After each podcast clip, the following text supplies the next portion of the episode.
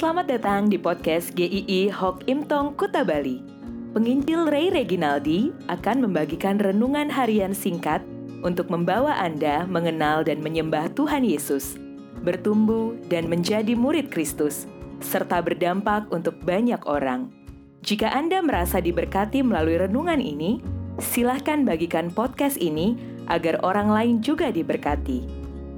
Inilah renungan hari ini.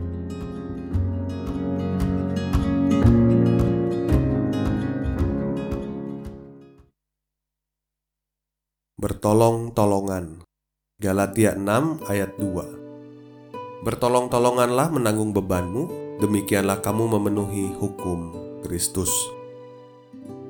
Saya pernah menyaksikan video dari negara lain di mana ada seorang anak yang tertabrak dan tergeletak di jalan yang kecil dari kamera CCTV yang terekam itu, ada belasan orang lalu lalang di sana hanya melihat anak yang tergeletak itu dan tidak ada yang tergerak untuk menolongnya. Mungkin di pikiran orang-orang itu, aduh nanti repot kalau nolongin, harus bawa ke rumah sakit. Kalau orang itu nggak ada keluarganya gimana? Nanti saya yang harus tanggung biayanya. Nanti juga ada orang yang pasti nolong lah, jangan saya. Cara pikir dan sikap seperti ini harus dibuang jauh-jauh dari komunitas orang percaya. Ketika melihat saudaranya sedang bergumul dan berbeban berat, Rasul Paulus memerintahkan jemaat Galatia untuk bertolong-tolongan menanggung beban.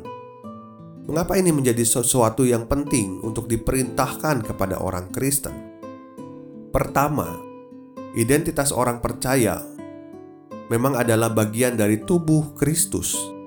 Orang percaya Tuhan Yesus otomatis menjadi bagian dari tubuh Kristus. Maka setiap kita tidak pernah terlepas dari umat Allah atau saudara seiman yang lainnya.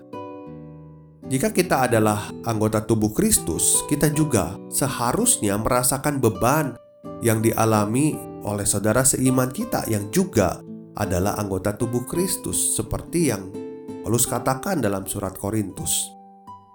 Kedua, ini bukan satu arah, tetapi dua arah saling.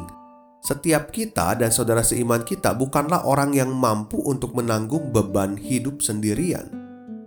Rasul Paulus menyadari bahwa hidup di dunia ini tidaklah mudah, apalagi untuk orang-orang Kristen di masa itu.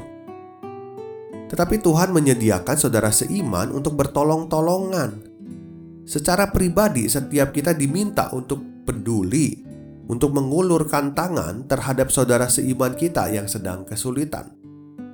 Namun, di sisi lain, kita pun diminta untuk tidak sok-sokan, untuk menanggung beban itu sendirian, karena kita ini terbatas.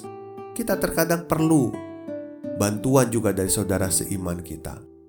Maka, jangan hanya bilang kepada yang kesulitan, "Aduh, kasihan ya kamu." Tetapi kita tidak melakukan apa-apa. Berdoalah untuk mereka, lakukanlah apa yang Tuhan mau dilakukan untuk menolong mereka. Ada kalanya kita perlu juga men-sharingkan dan meminta tolong kepada saudara seiman kita, supaya kita tidak menjalani beban berat itu sendirian. Yang ketiga, dikatakan ketika bertolong-tolongan menanggung beban, itu artinya kita memenuhi hukum Kristus. Tuhan mau kita hidup di dalam kasih, seperti yang Tuhan Yesus katakan dalam Yohanes 13 ayat 34. Aku memberikan perintah baru kepada kamu, yaitu supaya kamu saling mengasihi, sama seperti aku telah mengasihi kamu, demikian pula kamu harus saling mengasihi. Dengan demikian, semua orang akan tahu bahwa kamu adalah murid-muridku yaitu jikalau kamu saling mengasihi. Kita bisa melakukannya karena Kristus sudah terlebih dahulu mengasihi setiap kita. Dan ketika kita mengasihi saudara seiman kita, menolong mereka, kita adalah murid Kristus, kita adalah anak-anak Tuhan. Dan kita punya sumber yang kekal untuk mengasihi, yaitu dari Kristus sendiri. Maka jika hari-hari ini adalah hari-hari yang tidak mudah untuk kita lewati. banyak saudara-saudara seiman kita juga sedang tidak mudah untuk menjalani hidupnya. Maka mari berdoa, tanya kepada Tuhan apa yang harus dilakukan. Jangan membiarkan, jangan menutup mata, jangan tidak peduli lagi. Biarlah kita saling bertolong-tolongan satu dengan yang lain. Besok kita akan masuk satu tema yaitu totalitas.